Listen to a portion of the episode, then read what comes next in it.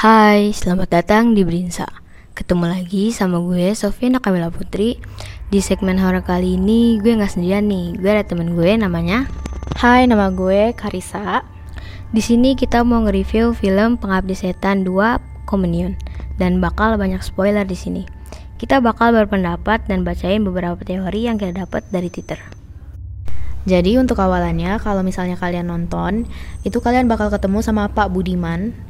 Buat yang lupa, Pak Budiman itu um, bapak-bapak yang hampir ke kakek-kakek, rambutnya tuh putih, terus gondrong gitu. Nah, Pak Budiman ini dia dipanggil sama polisi gitu, lagi di mobil. Terus mereka ngelewatin kuburan dan sampai di suatu gedung di daerah Tangerang deh kayaknya. Dan ternyata Pak Budiman itu dipanggil sama temennya. Temennya minta tolong karena ada suatu masalah yang sangat amat tidak logis.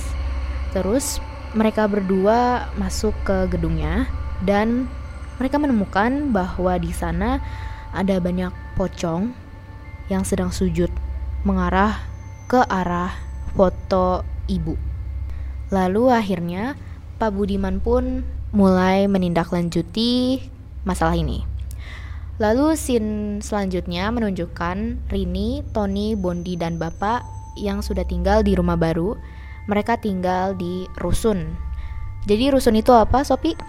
Rusun itu kayak gedung, tau gak sih ap apartemen gitu, cuman Iya. kayak model zaman dahulu gitu. Jadi Mm-mm. dia tuh gedungnya kayak nggak ada cat temboknya gitu loh. Oh iya, tahu tahu tahu. Nah, kayak gitu. Kehidupan mereka di rusun ini tuh sangat amat apa ya vibesnya tuh aneh gitu ya soalnya rusunnya itu selain udah emang jelek dan kumuh ada misteriusnya gitu dan agak horor gitu ya. Sama orang-orang di sananya pun juga aneh. Lalu scene berubah ke si Bondi adik kedua dari terakhir itu. Dia lagi main di belakang deket sebuah pohon. Terus dia sama temennya lagi gali-gali dan menemukan sebuah batu nisan. Nah, mereka bertiga nih, Bondi dan dua temannya itu kayak berspekulasi gitu. Kalau misalnya rusun ini dibangun di atas pemakaman. Nah, abis itu mulai deh kejadian mulai aneh. Di berita akan ada sebuah badai besar yang kan datang di Jakarta. Jadi mereka tuh rusunnya di daerah Jakarta Utara yang mana deket pantai gitu dan dari beritanya tuh kayak bakal ada bencana badai gitu terus bakal em, banjir nah satu persatu orang rusun tuh mulai ngungsi ke daerah lain untuk menghindari eh, banjir itu. Nah permasalahan di rusun itu mulai pada suatu hari ketika Bondi dan satu temannya itu pengen ngajakin teman satunya lagi main. Tapi bapaknya ini tuh abusive kan dan gak dibolehin gitu. Tapi mereka nerobos dan akhirnya dikejar-kejar sama si bapaknya. Nah abis itu bapaknya ini naik lift yang di mana di lift itu ada bapaknya Tony terus yang ceweknya Rini. oh ya Rini sama si Bondi itu lagi naik juga kan. Dan di situ juga ada satu karakter anak kecil lagi yang lagi naik di liftnya. Pas pengen turun liftnya itu ngestak dan si bapaknya ini tuh kayak gak sabaran gitu loh akhirnya tombol liftnya tuh dipencet-pencet-pencet gitu kan terus menerus yang akhirnya lama-lama tuh error rusak gitu. Jadi ngestak jatuh ngestak jatuh ngestak jatuh begitu. Nah di bawah lift itu ada tiga enggak deh bukan tiga empat. Empat. Anak perempuan kecil. Nah mereka tuh lagi main engklek. Terus di bawah di dasar liftnya itu tuh banyak koin bertebaran gitu kan. Terus ya namanya juga anak kecil mereka mereka kan pasti penasaran gitu kan. Terus akhirnya bodohnya ya maaf ya bodohnya. Itu mereka ke bawah buat ngambilin koin-koinnya. Padahal di atas ada lift tapi ngestak gitu loh. Terus akhirnya eh, orang-orang yang di lift tuh panik kan. Tapi ada satu anak namanya Wisnu dia masih kecil. Dia selamat dari kejadian itu. Dia eh, kayak ngelompat gitu loh dari liftnya. Terus pas pengen nyelamatin ibunya si Wisnu nih pengen nyelamatin ibunya liftnya tiba-tiba udah beneran terjun ke bawah dan kalian tahu itu liftnya jatuh sampai pas banget ke anak-anak perempuan yang lagi mainin ngambil-ngambil koin. Iya, betul. Tapi ada satu yang selamat karena dia tuh sadar kalau ada lift di atas dan pengen jatuh gitu kan. Akhirnya yang dari ke empat anak, tiga meninggal, satu selamat. Dan dari situ tuh kejadian emang udah mulai nggak waras lah, aneh gitu loh. Kayak kematiannya tuh bisa bersamaan. Dan di situ semua orang jadi saksi. Uh, Rini nggak ada sih Rini, ada Tony Terus si Bondi yang lagi main sama tiga temennya itu juga ngeliat tiga anak perempuan itu dipenyetin pakai lift. Apa ya bahasanya? Bukan dipenyet kayak brak gitu. Ya, brak gitu. Traumatis, traumatis lah. Nah, kan banyak tuh yang meninggal akhirnya jadi um, tahlilan berjamaah gitu. Terus mayat-mayatnya itu nggak dijadiin satu tempat, nggak ditaruh gitu di satu tempat, tapi ditaruh di rusun mayatnya masing-masing gitu. Habis itu uh, Pak Ustadz yang ada di rusun itu malamnya ngecekin tiap-tiap kamar yang ada mayatnya, apakah mayatnya tuh aman atau enggak kan. Terus akhirnya uh, dia bareng Tony btw, Pak Ustadznya Terus dia bagi tugas sama Tony.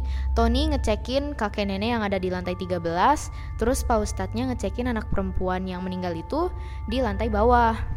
Pas mulai ngecekin itu emang udah aneh banget sih, kayak ketebak lah ya. Kayak kan lagi dicek tuh tiap-tiap rusunnya tiba-tiba pas ngecek yang isinya cuman mayat doang, hmm. tiba-tiba ada yang jendelanya kebuka, barang-barangnya ada yang jatuh kayak gitu. Ya kayak gitu terus akhirnya makin lama makin malam pengen ke tengah malam itu udah kayak masalahnya udah bener-bener serius ternyata ada sekte ya sekte gitu yang sebelumnya ibunya Rini Tony sama Bondi ikut. Dan mereka menemukan sebuah fakta dan rahasia di balik pekerjaan ayahnya. Akhirnya mulai chaos lah. Mereka ketangkep dan hampir dijadiin tumbal tetapi diselamatkan oleh Pak Budiman yang sebelumnya udah tahu kejadiannya dan yang lagi nyelidikin itu loh. Nah mereka diselamatin sama Pak Budiman.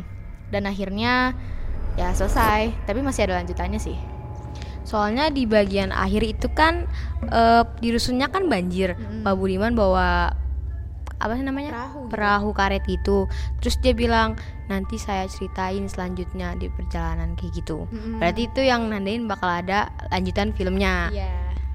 terus sekarang kita mau bacain teori-teori yang ada dari Twitter betul yang pertama Rini akan dijadikan avatar iblis Raminon itu tuh si ayahnya si bapak Tony sama Bondi tuh mau dijadiin tumbal ayahnya tuh udah udah, udah ken eh oh eh oh ang, mm, kayak kena gitu loh jadi ditumbalinnya si ayahnya diikat dari diikat. empat sisi terus ditarik sampai tangannya sama kakinya. kakinya tuh copot nah di situ tuh teori yang bikin si Rini masih hidup tuh gara-gara mau dijadiin avatar sama iya. yang namanya si Raminon ini. Soalnya Rini doang yang gak dijadiin tumbal sementara ketiga laki-laki itu si bapak bapak dan dua adiknya tuh dijadiin tumbal.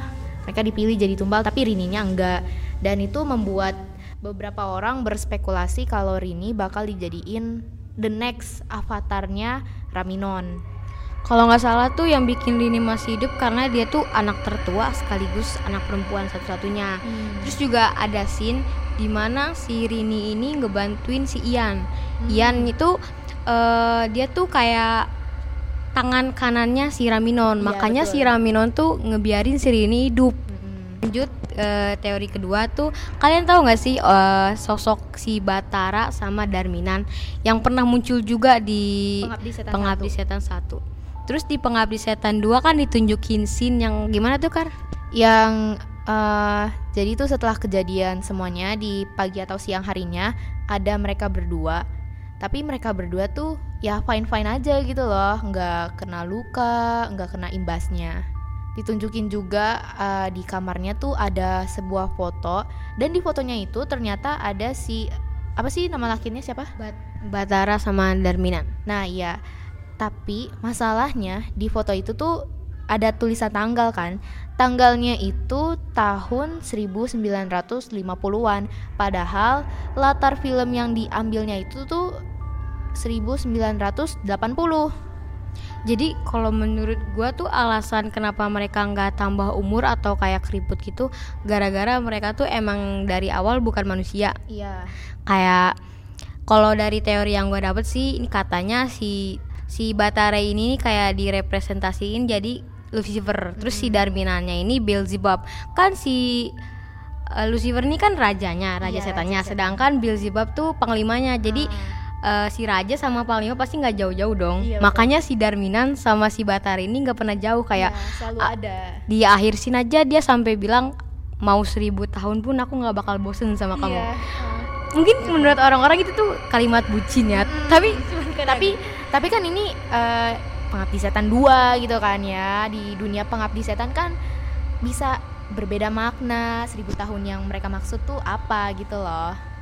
Nah betul. Selanjutnya kita bakal kasih teori soal banyak orang yang berpikiran kalau Joko Anwar pembuat film Pengabdi Setan 2 ini katanya nggak suka sama Ustadz. ya betul. Oke jadi alasannya tuh kan kalian inget gak sih di Pengabdi Setan yang pertama? Di bagian anaknya Ustadz tuh meninggal kecelakaan. Di situ tuh Ustadznya nggak mau bantuin si keluarga. Keluarganya. Iya keluarga Rini makanya dia tuh kalah sama si setannya.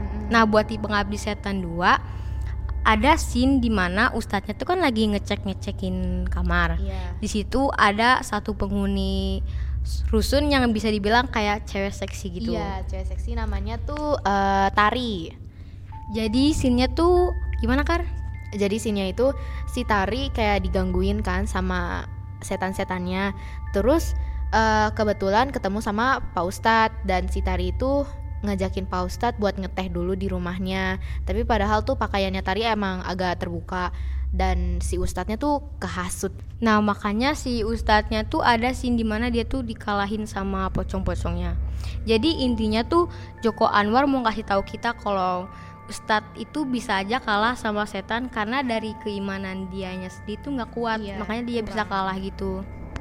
Oke, mungkin segitu aja review kita soal Pengabdi Setan 2 Communion.